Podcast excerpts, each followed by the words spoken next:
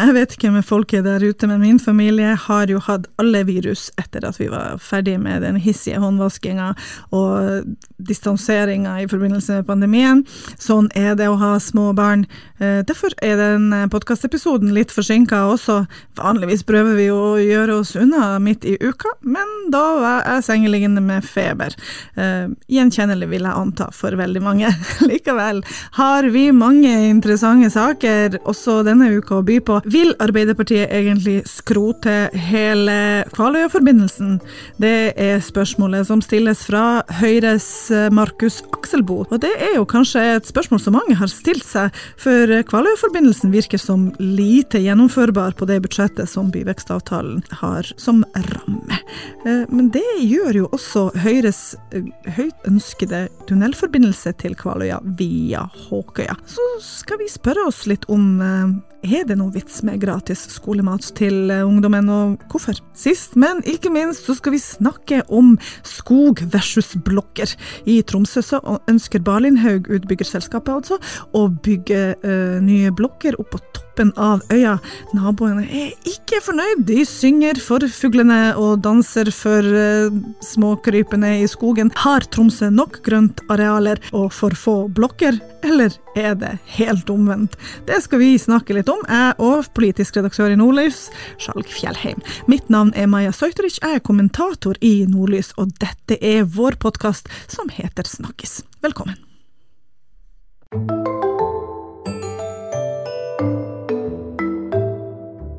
Kvaløya-forbindelsen fører alltid til uh, ganske hissige og, og kanskje eh, til og med ubehagelige debatter rundt omkring de kjøkkenbordene jeg vet om.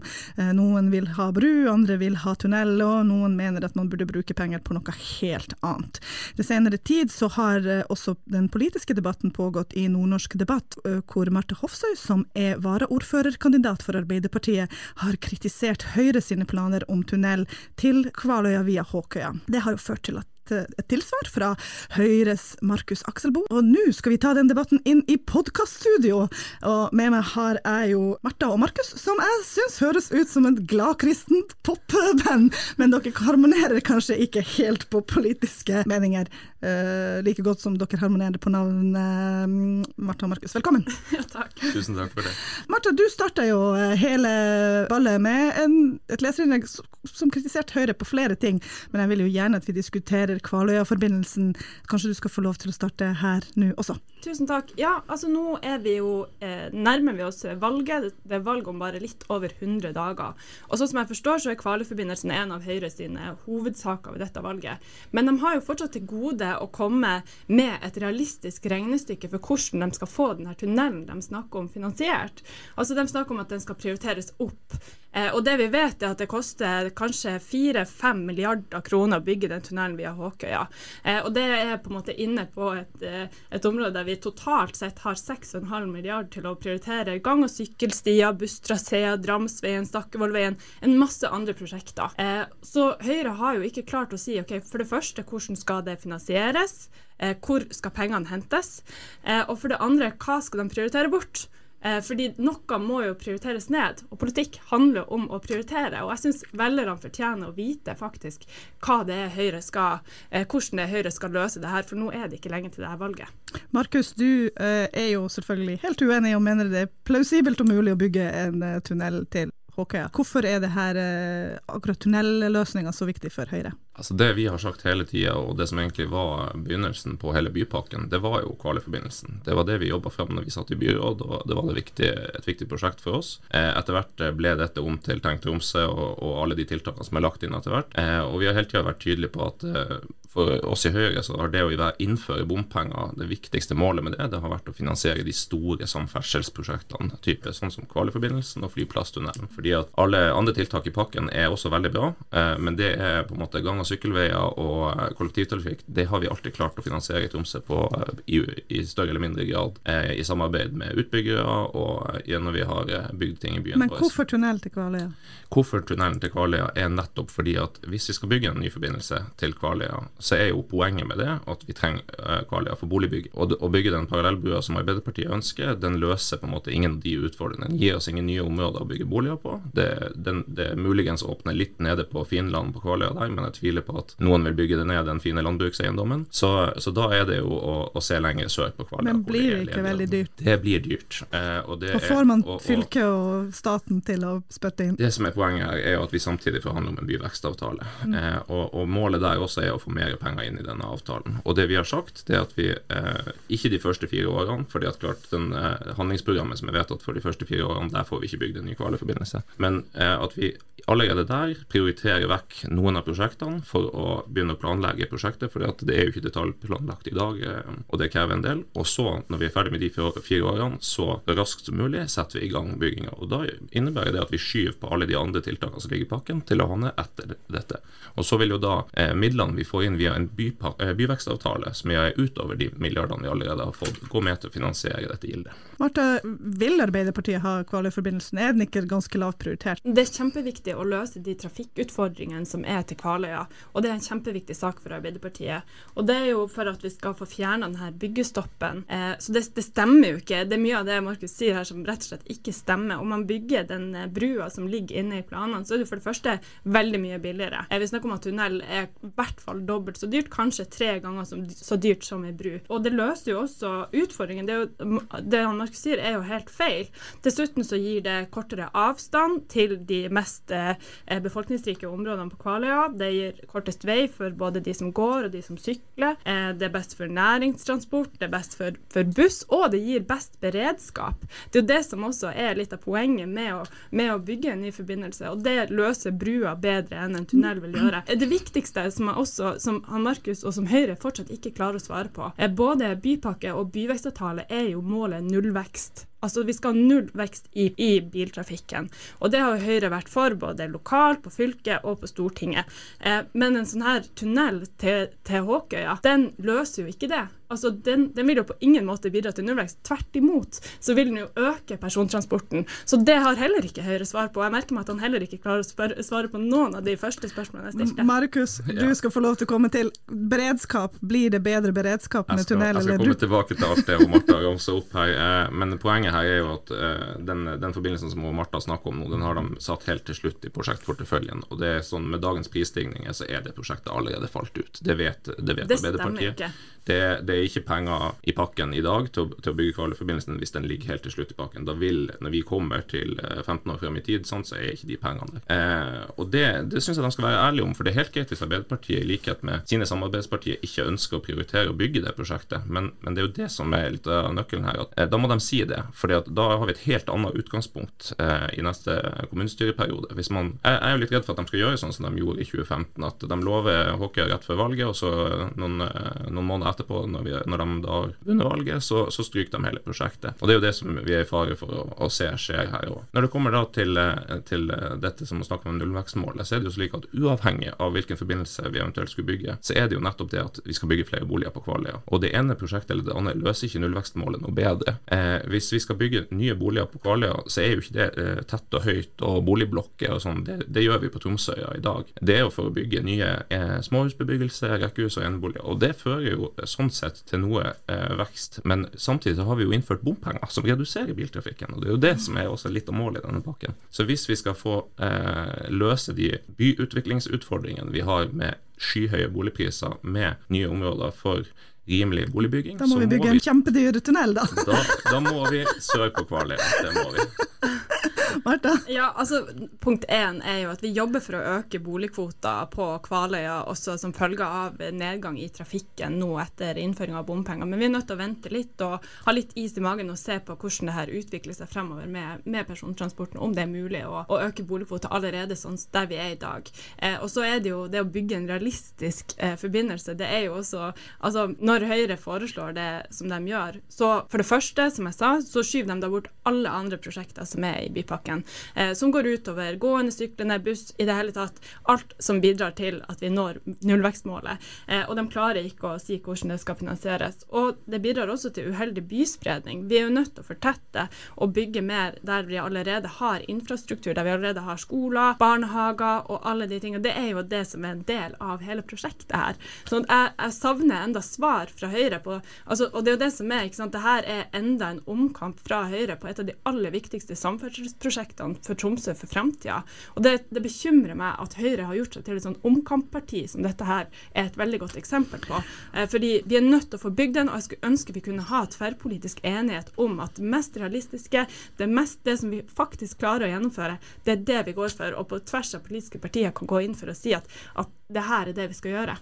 Markus, eh, omkampspartiet ja, Høyre? Omkampen var det jo Arbeiderpartiet som tok da de lurte velgerne i 2015 og, og, snudde like etter valget. Eh, og, og, og, så er det jo det som vi har pekt på her, det er jo ikke sant at dette er et prosjekt som kommer langt frem i tid. Vi er ærlige, det blir ikke å skje de neste fire årene at vi bygger en ny forbindelse. Men det er da vi skal prosjektere og planlegge og finne ut av hvordan vi skal finansiere det her. Jeg syns eh, Arbeiderpartiet sine ambisjoner har falt veldig dramatisk de siste årene for Tromsø. Altså, Før valget her så skulle de og Senterpartiet altså bruke 10 milliarder på en byvekstavtale. og vi skulle få Nord-Norge-bane til 160 milliarder til Tromsø. Ingenting av dette har materialisert seg, og denne regjeringa har kutta på samferdsel. Så jeg er jo veldig sånn i tvil at eh, hva, hva, tror ikke vi at vi har en viss goodwill hos eh, regjeringa til å kunne realisere noen av våre byutviklingsprosjekter, sånn som en kvaliförbindelse via Håkøya. Jeg syns det, det, det, er litt sånn tafatt, eh, og, og, det er helt åpenbart at Arbeiderpartiet i utgangspunktet også mente at dette var den beste løsninga, men de snudde etter valget da, når de måtte samarbeide med SV, MDG og hele sulamitten. Og det, det er jo dessverre litt trist. Men er ikke også staten litt sånn ambivalent til det her eh, tunnelen? Det er jo vel Statens vegvesen som utreda den i sin tid, og mente at det er bru som er mest eh, praktisk og formålstjenlig eh, løsning, da.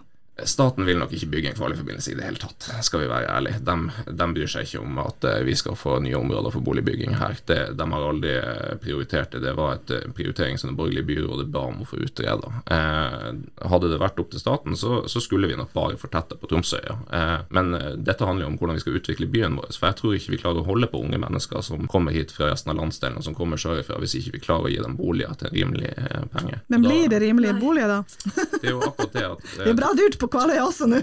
det vi har sett i Tromsø de siste årene, er at vi, vi, vi mister folk. Vi, tar, vi har flere, mer utflytting enn innflytting, og det er egentlig bare innvandringa som gjør at vi holder det gående. Så vi på mange måter blir det nordnorsk fraflyttingskommune. Og litt av utfordringen der er jo at vi har jo Norges nest dyreste boligprisnivå, eh, og det eneste som presser opp boligprisene i Tromsø, det er tomteprisene og saksbehandlingstid. Vi har ikke mer kapital eller boligspekulanter i denne byen enn andre plasser. Tvert imot, vi har mye mindre privatkapital. Så det eneste som gjør at det blir dyrt å bygge her, det er at vi ikke har tilgjengelige, rimelige områder. Vi har en boligreserve i Tromsø på i overkant av 4000 boliger. Men det er svindyre boliger å bygge på utfylling i sjø. Og det skal bli billigere på Kvaløya da, tenker du? Ja, for der har vi ledige områder for å bygge småhusbebyggelse, som er det eh, kommunens egen boligpreferanseundersøkelse viser at folk i Tromsø ønsker, og spesielt de som er på flyttefot. Ok, Martha, har du ingen ambisjoner. Har Arbeiderpartiet mista helt ambisjonene, for vi har jo binka og spart på denne eh, byvekstavtalen, og man har jo ikke altså Man måtte jo tvinge sin egen regjering nesten inn i en uh, ordentlig Komme inn med noe ordentlig å forhandle om uh, noe som kommer nå også, selvfølgelig i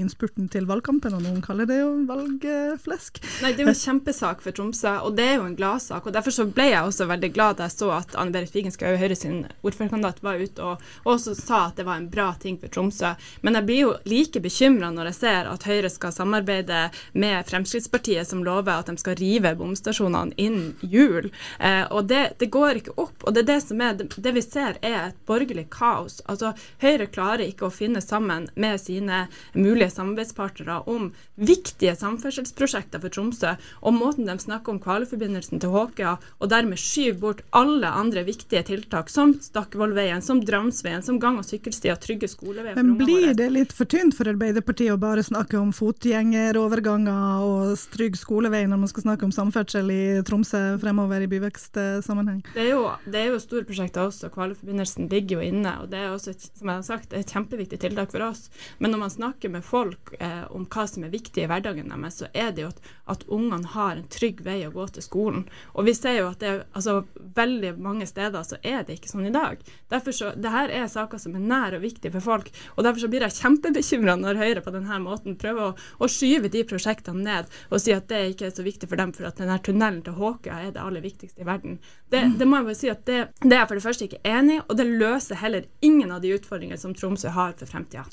Siste ordet, Markus. Marta Hofsø svarer jo heller ikke på hvordan hun skal få finansiert sin egen forbindelse, for det er jo nettopp det som er problemet. Den, den, ligger til slutt i avtalen, og prisene har skutt i været. Når vi eh, gjorde anslaget på disse forbindelsene i 2014, snart ti år siden, det er klart det prosjektet er dyrere i dag enn den summen som ligger inne i dette prosjektet. Det har jo vi nå fått eh, formannskapet med oss på å gjøre en prisvurdering av alle alternativene til Kvaløya. Men det er jo akkurat der at når Arbeiderpartiet eh, Det de egentlig må svare på, det er jo at når denne porteføljen skal rulleres ved neste anledning, eh, hva er det da de skal kutte for å flytte frem sin egen forbindelse? For det er jo det de må gjøre, for det er ikke penger i pakken til å bygge den sånn når de legger den til slutt i perioden. Den er ute, og det syns jeg Arbeiderpartiet må være ærlig om. at nå går de på nytt til valg på at de skal løse utfordringer på Kvaløya, og jeg er redd for at de svikter Kvaløya på nytt rett etter valget. Har... ok, da, det, da, blir det aller siste ordet, ja, Marta. Du har 30 sekunder. Ja, jeg skal være veldig kort. Altså, det er veldig, eh, veldig, rart for meg å høre Høyre kritisere oss for et prosjekt som er på ca. en tredjedel av det prosjektet som de påstår at de skal klare å finansiere innenfor det her samme budsjettet som vi snakker om. Det, det er håpløst, og det er uambisiøst fra Høyre, og det er enda en omkamp, og det bekymrer meg stort. Tusen hjertelig takk for at dere kom og debatterte dette. og jeg regner med at vi har denne debatten gående frem mot eh, valget, som er 11.9. Jeg vil at alle unge, særlig som kanskje lytter her, eh, noterer den datoen, for det er veldig viktig at også unge mennesker stemmer ved valget i år. Um, takk, Marta og Markus. Neste gang synger vi. Tusen takk.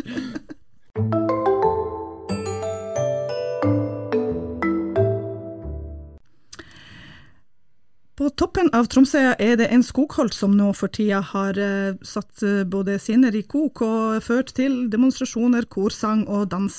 Uh, skogholtet på Bekkevoll rett over for Eller på et høydedrag over Elverhøy kirke ønsker utbyggeren Balenhaug å bygge syv blokker på.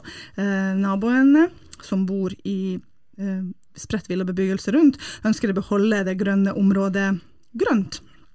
Og uh, med meg har jeg Skjalg Fjærheim, politisk redaktør. Og jeg har lyst til å spørre deg, Skjalg. Uh, hvor og hva skal man bygge i Tromsø by? Hvor skal man få lov å bygge i Tromsø by? For å si aller først om den aktuelle saken som du innleder med. Uh, disse protestene handler jo først og fremst om to ting. Det ene er at dette er et høyt skatta område som mange i Tromsø bruker til rekreasjon og til, eh, til å gå turer i, i, marka, i Tromsømarka. Så det er en grønn lunge for hele byens befolkning. I tillegg så handler det jo også om eiendomsverdiene for de som bor i dette området, som naturligvis frykter at uh, eiendommene deres skal bli mindre verdt hvis du får blokkbebyggelse i, dette her området.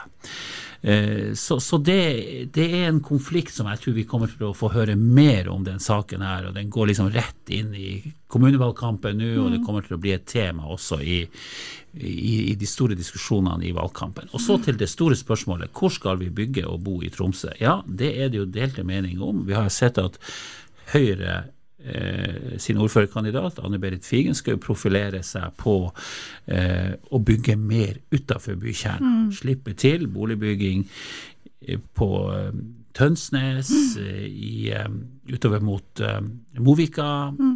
Kvaløya. Man er opptatt av Kvaløy-forbindelsen og få en, få en, forbindelse til Håkøya osv. Så, videre. så spre eh, bebyggelsen i Tromsø. Og så har du de som mener at dette er en veldig dårlig idé, som da mener at vi må eh, konsentrere bebyggelsen på eh, Tromsøya, og at dette også vil være eh, viktig i forhold til eh, å innfri de målene som finnes i denne berømte byvekstavtalen. Ja, som fortetting og ja. ja. Men jeg tenker at Det som også er veldig altså, symptomatisk for denne saken, og den har vekt veldig mye oppmerksomhet, er jo at den, har, den har denne miljøperspektivet i seg. Eh, en sånn type økofilosofi som er veldig eh, i vinden, og måten man på en måte behandler nærområdene på, som også en økofilosofi som har funnet veien også i byplanleggingsmyndighetenes eh, bunker. Og som jeg ser det, så har jo da også administrasjonen gått inn for å bevare det her som et grønt område, mens det politisk kanskje er et ønske om å kunne uh, utvikle det til et um, område for boligformål. Eh, og jeg tror Det er en sånn type debatt som vi alltid kommer til å ha i Tromsø by, som er ganske naturnær by, men også en by i vekst, som har veldig mange sånn smertegrenser hele tida. Eh, hvor er det vi skal bevare natur, eh, hvor, skal, hvor skal vi bevare, bevare fuglesangen, som da, de som protesterer, demonstrerer mot denne utbygginga sier, og hvor er det vi skal bygge hus for folk å bo i. Og så er det jo også denne dimensjonen med at Tromsø er en by som mangler boliger. Men ja, men hva slags boliger mangler vi? Vi mangler boliger for folk som ikke har kanskje så god råd. Eh, mangler mer boliger som eh, som eh, det, altså sosiale boliger, sosial utjevning. Eh, og jeg tror også veldig mye av de debattene vi kommer til å se fremover, er om hvorvidt de boligene som bygges i Tromsø, uansett bygges for folk som har god råd fra før av. Ja, og dette er jo ikke noe som bare er et dilemma i Tromsø, det er et dilemma i veldig mange norske byer. Får vi plass til de unge barnefamiliene i sentrumsområdene i disse byene, fordi det er blitt så fryktelig dyrt. Så er det jo sånn at uh, hvis du skal lage en omelett, så må du knuse noen egg.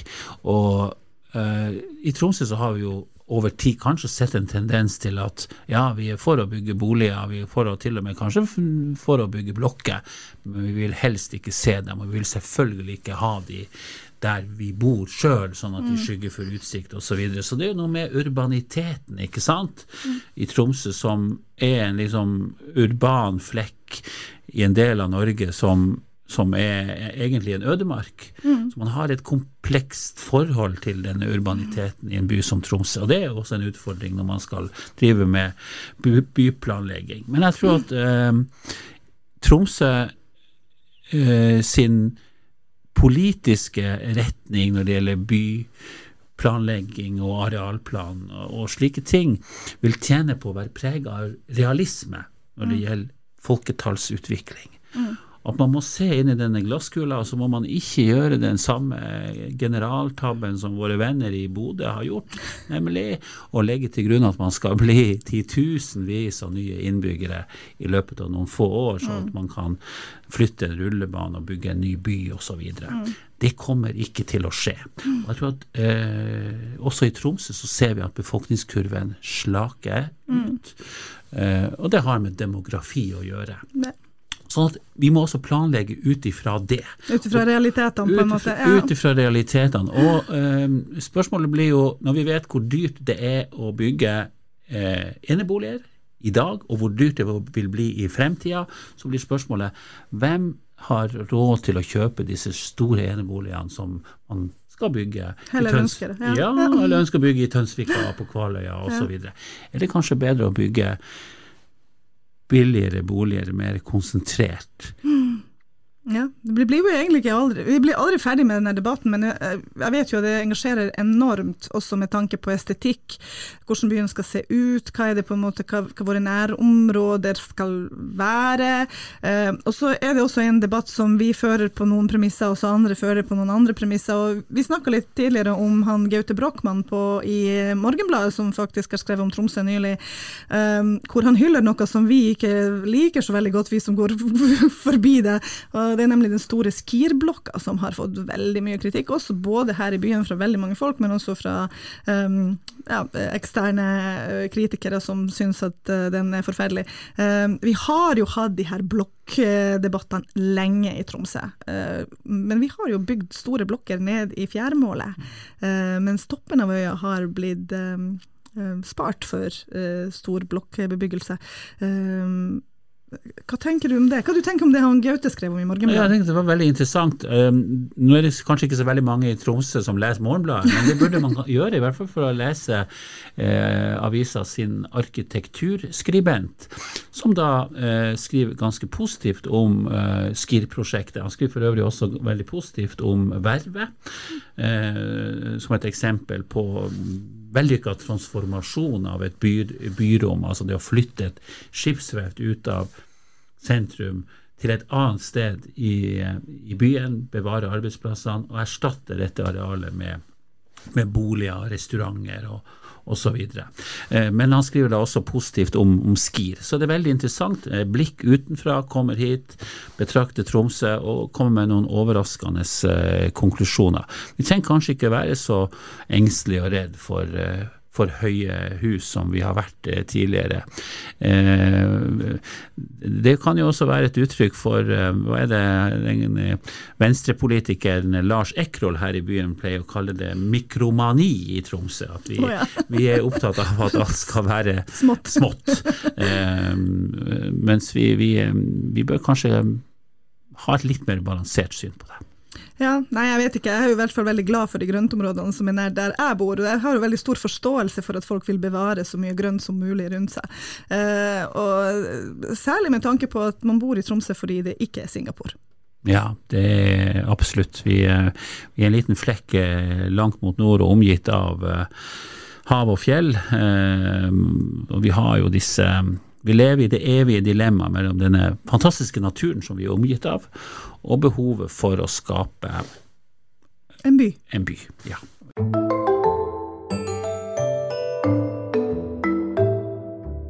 Da har eh, Troms og Finnmark fylkeskommune eh, lagt frem et eh, budsjettforslag eh, hvor de ønsker å utvide tilbudet på, for skolemat på videregående skoler, altså gratis lunsj, som det heter. Eh, nå mener jo noen at det ikke finnes noe som heter gratis lunsj.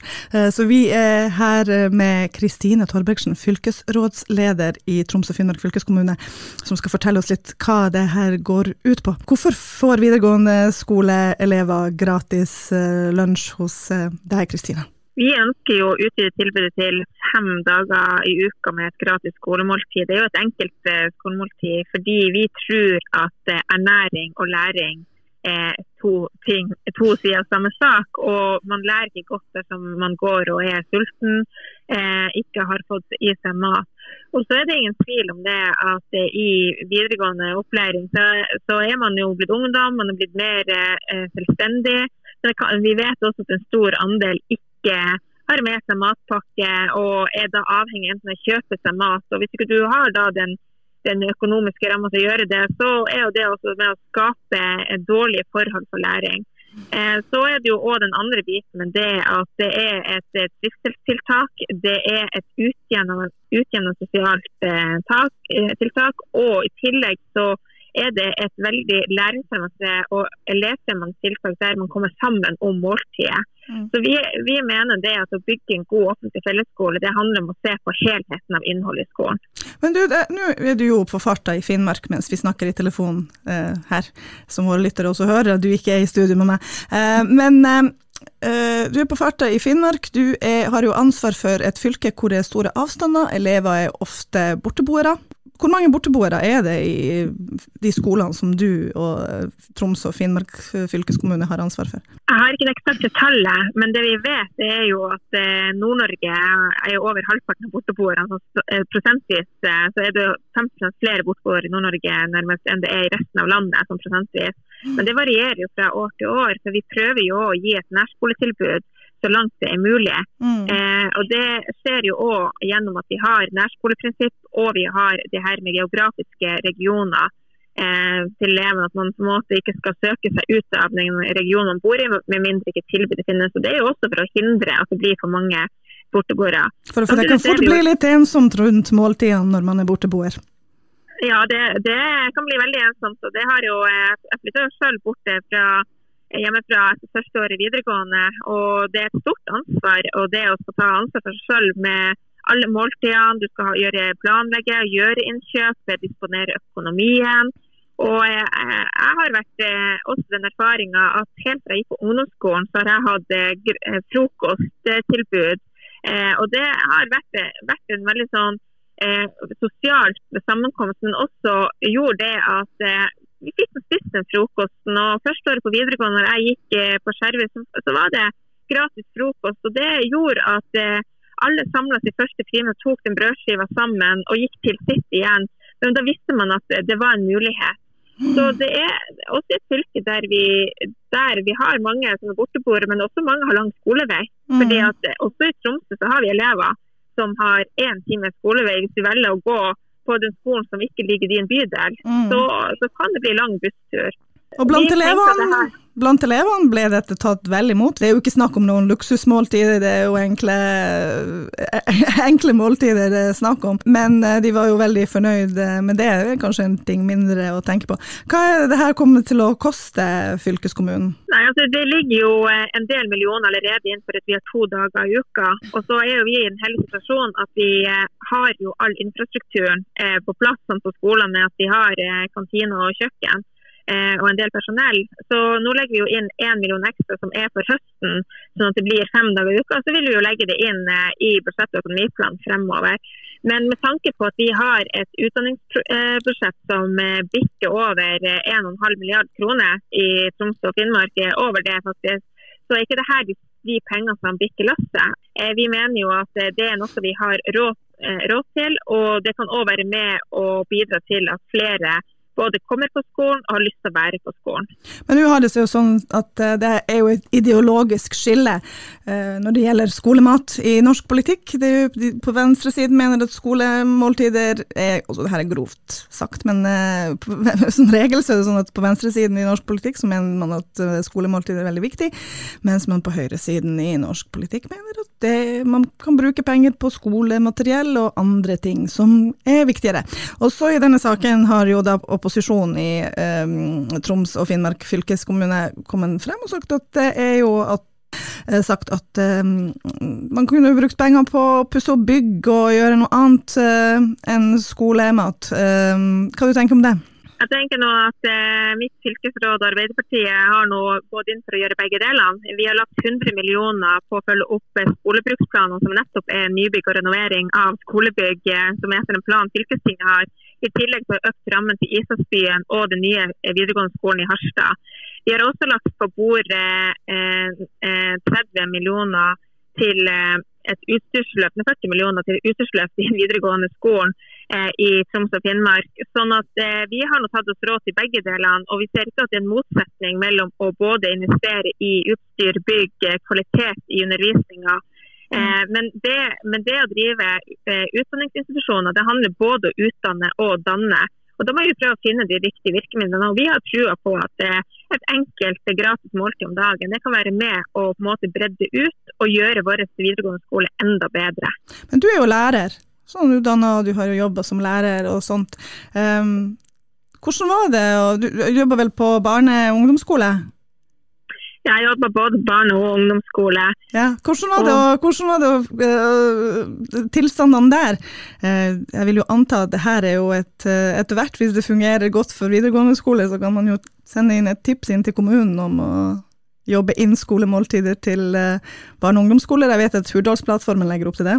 Jeg har alltid ønska meg at det skal være et måltid, også i grunnskolen, og særlig i ungdomstrinnet. Så har eh, jeg sett det behovet, og jeg vet ikke hvor mange ganger jeg også har delt av mine knekkebrød og skinkeost og på en måte sagt at eh, det er noe bare liksom her er noe, ta noe så du får i deg litt mat. Og vi kan jo alltid på en måte skylde på hvem sitt ansvar det er, men realiteten er at du har en sulten ungdom foran deg, så, kan, så vil du jo gjerne hjelpe der og da. Så det, det, er jo et ønske at det også skal være. Men så er vi jo kanskje litt heldige personer i de videregående skolene at vi har større fasiliteter med kantinefasiliteter enn man har i grunnskolen. Sånn. Men jeg håper jo òg at eh, flere Troms og Finnmarkskommuner vil prøve det ut. Og så vet jeg at mange gjør det. Blant annet eh, Lyngen har jo vært tidlig ute med det å ha måltid på skolen. Så det finnes mange gode eksempler på dem som tester det ut, eh, og også har gode erfaringer med det.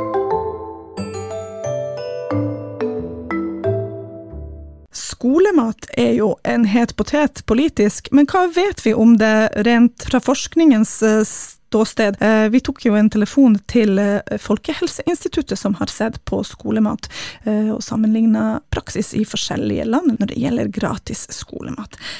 Og med oss har vi seniorforsker ved Folkehelseinstituttet, Elling Tufte Bede. Hei, Elling. Hallo. Hei, takk for at Hei. du eh, kunne ta uh, telefonen eh, i dag. Du Ja. er jo i Oslo. Det er bare hyggelig. Kan du fortelle oss litt om hva vet vi om uh, skolemat? Vi har prøvd å oppsummere, oppsummere den vei. Uh, og da er det jo En ting er jo på en måte at, at skolemat effektivt og funker på, på i u-land f.eks., hvor, hvor folk kanskje er underernærte, det er jo ganske innlysende. Men, men om det funker i, i, rikere land, det er jo et interessant spørsmål. som Vi har jo oppsummert litteraturen, og det som finnes av internasjonal litteratur, viser jo at det, det kan ha en effekt da, på bedre kosthold, bedre læring og andre ting. Men så er det store spørsmålet er, det, er den forskningen relevant for Norge? Det, det, er jo det vi lurer på. Og det finnes ikke tilsvarende altså store forskningsprosjekt på skolemat i Norge? Ja, det, det, finnes, det finnes, enkelte studier, men det finnes ikke noen store, store prosjekt. Um, så vi mener jo at de store, gode prosjektene mangler. Da. Det jo det, det, er jo det vi har lyst til å gjøre sjøl. Mm. Og så er det her jo blitt en veldig sånn politisert debatt. Vi har jo den venstre side ja. som mener at vi må ha uh, mat i skolen, og så har vi en høyre side som mener vi burde kanskje bruke penger på noe annet. Uh, ja. uh, blir det på en måte for dårlig belagt noen veier, når vi da ikke vet så veldig mye om hva norske elever trenger? Jeg tror ikke det er for dårlig belagt. Jeg tror, men sånn er det jo. altså Når, når du som forsker så føler jeg at hver gang jeg graver meg ned i en tematikk, så finner jeg ut at dette vet en for lite om, at, den en trenger mer forskning. Men så, så, sånn, at tiltak, Jeg jobber jo på et senter, som, altså senter for evaluering av folkehelsetiltak. og eh, jeg tror, tenker at Tiltak må settes i gang selv om en ikke har, på en måte, er 100 sikker på at det vil funke. Um, for at det skal være 100% sikker, så vil du aldri få satt i gang noen ting. Så En må bare må sette i gang med ting, men, men en må være klar over usikkerheten, tenker jeg. Ja, og hva kan usikkerheten være? At ungene ikke liker den maten de får servert? Uh, ja, det er jo én ting. Uh, vi har gjort et lite pilotprosjekt sjøl. En, en, en, tenker liksom at når, når, i Norge når noen får noe gratis, så, så tar alle imot. Men, men uh, vi hadde et pilotprosjekt hvor vi testa ut um, noe retter på ungdomsskolen. Det var mange som ikke ville smake. Mm. Uh, så Det ga i hvert fall meg en aha-opplevelse. at det er, ikke, det er, ikke, sånn at alle, vil, alle kommer til å delta. Så Da er jo, det er jo interessant å vite ja, hvem er det som deltar. Er det de som virkelig trenger det mm. mest? Og Da er det kanskje bra. Men Det er jo sånne ting en ikke helt vet. Da. Men det, det vet en jo ikke før noen har satt i gang og en får, får prøvd det. Men det er jo ikke bare kosthold og konsentrasjon på skolen man snakker om i denne sammenhengen. Um, det jo, handler jo om um, um, ulikhet. Eh, det handler om ja. Eh, klasseskiller, det handler om hva barn har tilgang til. Eh, mm. Og det handler også nå, i nyere tid, så har jo prisene gått opp, og det har blitt dyrt for veldig mange familier å gjøre veldig mm. mange ting. Um, ja. Er det da forståelig at politikere ser på skolemat som viktig, et viktig grep i sånn ulikhetsperspektiv? Um, ja, det tenker jeg er veldig forståelig. Og jeg tenker at skole, et skolemåltid har et kjempepotensial. Både på bedre kost, kostholdet, men òg mulig, mulig, at det mulig har en effekt på læringsmiljø og, og, og læring. Og, og, En ting som vi ikke bør glemme, er jo det med bærekraft. Altså, nå er, nå er, vi i ferd med å Eller vi må, vi må etter hvert over i en mer, bæ, et mer bærekraftig kost, kosthold. Da. Eh, den nye kostråda som kommer, tar jo nå inn over seg bærekraft f.eks. Og der tenker jeg at et skolemåltid og skolen er en viktig arena for å kunne, kunne få til den overgangen. Hvis du skulle designe et skolemåltidseksperiment, um, hva måtte du uh, hatt på plass for at det skulle fungere uh, optimalt etter hensikten? Det var, det var, et utrolig godt spørsmål. Um, for, for, for det, det, er jo, det, er jo, klart at jo, jo jo billigere en prøver å gjøre det, jo dårligere vil det jo antageligvis bli. Sånn at uh, Hvis du skulle hatt noe som var optimalt i henhold til mine på en måte oppfatninger om hvor god mat er, og sånn, da, så mm. tror jeg det hadde blitt uh, veldig dyrt. ja. Um, så da må, da må, det jo prioriteres. Og så er det jo det en ting er jo det, altså Jeg har som mål at alle skal delta, og at alle skal sette seg ned og spise et godt måltid sammen for den, liksom, den sosiale biten, da, så er det jo mm. viktig at, det, at den serverer noe som alle vil ha. Um, så er det jo det, er det alle vil ha, er det det samme som det som jeg tenker er et optimalt kosthold? Det er det kanskje ikke. Ellers så, ellers så må en jo kanskje gå for en type ordning som et tilbud da, til de som til de som vil ha det, og de som trenger det. Som jo vil bli betydelig, betydelig billigere, for at du har ikke alle får det. Eller det er mange som ikke velger, velger, å ikke ta det, da. men kanskje hvis du klarer å treffe de som virkelig trenger det, så er det kanskje det det som har vært mest effektivt. Da. Men det er jo vanskelig å vite. Men der kommer jo den politikken inn, vet du, med de universelle velferdsordninger og slikt. Ja. Mm -hmm. Så ja. da plutselig så blir det her mye mer komplisert enn å få seg et godt måltid i løpet av dagen. Ikke rart det er politisk ja. uenighet om det. Nei, det, det er ikke rart, det. Hvilke land har hatt stor suksess med skolemat? Eh, det en, det en på en måte er vant til å høre, da, er jo det at Sverige og Finland har noen fantastiske ordninger. Um, men når vi begynte å kikke i, i denne litteraturen, så er det utrolig lite, utrolig lite forskning um, gjort på svenske og finske ordninger. En vet ikke om det er noe effektivt. En, en vet ikke om den svenske ordningen er mer effektivt enn en matpakke, eller bedre enn den matpakkeordningen vi har her i Norge. De fleste vil jo kanskje anta det, men det, det, det finnes uh, utrolig lite forskning på det. For at Vi liker å sammenligne oss med Finland og Sverige, og Finland gjør jo alt så mye bedre når det gjelder skole. ja.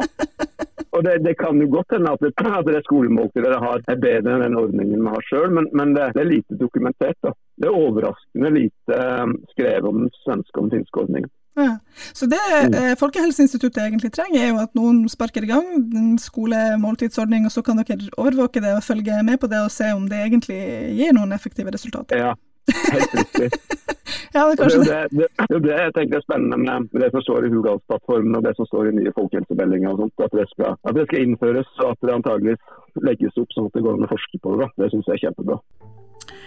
Det var altså vår episode i den inneklemte uka mellom to uker som har betydelig færre arbeidsdager enn vi er vant til.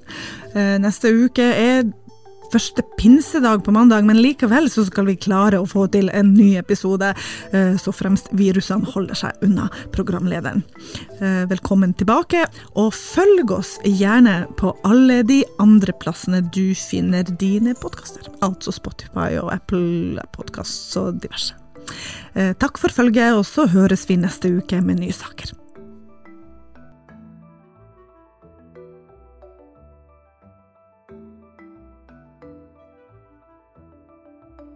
Har du et enkeltpersonforetak eller en liten bedrift? Da er du sikkert lei av å høre meg snakke om hvor enkelt det er med kvitteringer og bilag i fiken, så vi eh, gir oss her, vi.